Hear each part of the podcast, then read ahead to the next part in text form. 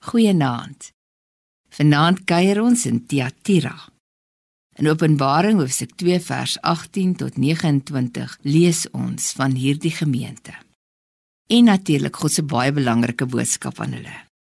In hoofstuk 2 vers 19 tot 20 lees ons ek ken jou handel en jou wandel. Ook jou liefde, vertroue, bediening en volharding. Ek weet ook dat jou handel en wandel nou selfs nog beter is as voorheen.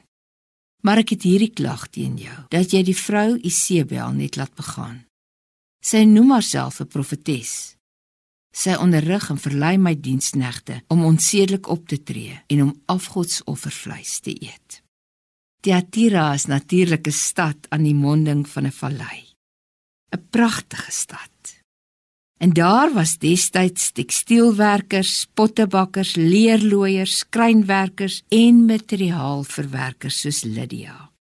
Hulle het gebruik gemaak van die perskleurstof van die purperslak wat hulle in staat gestel het om materiale met die pragtigste perskleur te kleur.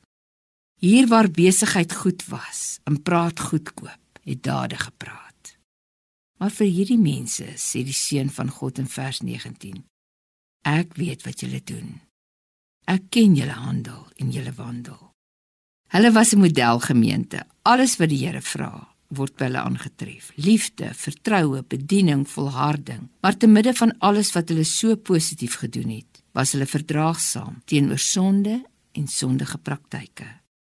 Jy al gewonder waarom is dit so moeilik vir ons as gelowiges om standpunt in te neem teen sonde? Die seun van die lewende God verwag van ons om 'n verskil te maak. Om sonde aan te spreek en uit te roei. Dis nie vir God genoeg as ons allerlei wonderlike dinge doen, maar ons is ook nie bereid om terselfdertyd met sonde en foute in ons eie lewens en in ons gemeenskap af te reken nie. Tiatira het daarin verval geraak. In die proses was hulle egter nie bereid om 'n verskil in hulle lewenswêreld te maak nie. Hulle was nie bereid om wat verkeerd is aan te spreek nie. Ek en jy moet ook bereid wees om standpunt in te neem vir God. Ons liefde vir hom moet groter wees as die wêreld se liefde. En ons moet bereid wees om te transformeer, om te beïnvloed en om mense saam te neem op God se pad. Bid saam met my. Here help my dat my hart so sal oorloop van liefde vir U en vir mense, dat ek hulle nie sal los waar hulle vasgehaak het. En selfs in my eie lewe, Here, dat my liefde vir U so groot sal wees dat ek nie sal vashak nie, maar dat ek bereid sal wees om neer te sit wat verkeerd is en saam met U in oorwinning uit te stap. Amen.